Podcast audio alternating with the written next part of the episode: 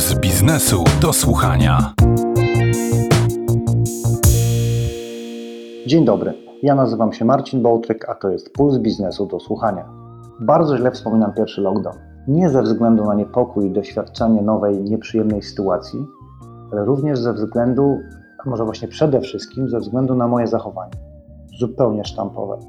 Porwał mnie owczy pęd. Wydawało mi się, że kto jak kto, ale ja jestem odporny na takie zrywy. Tymczasem popędziłem do sklepu po ryż, cukier i papier toaletowy.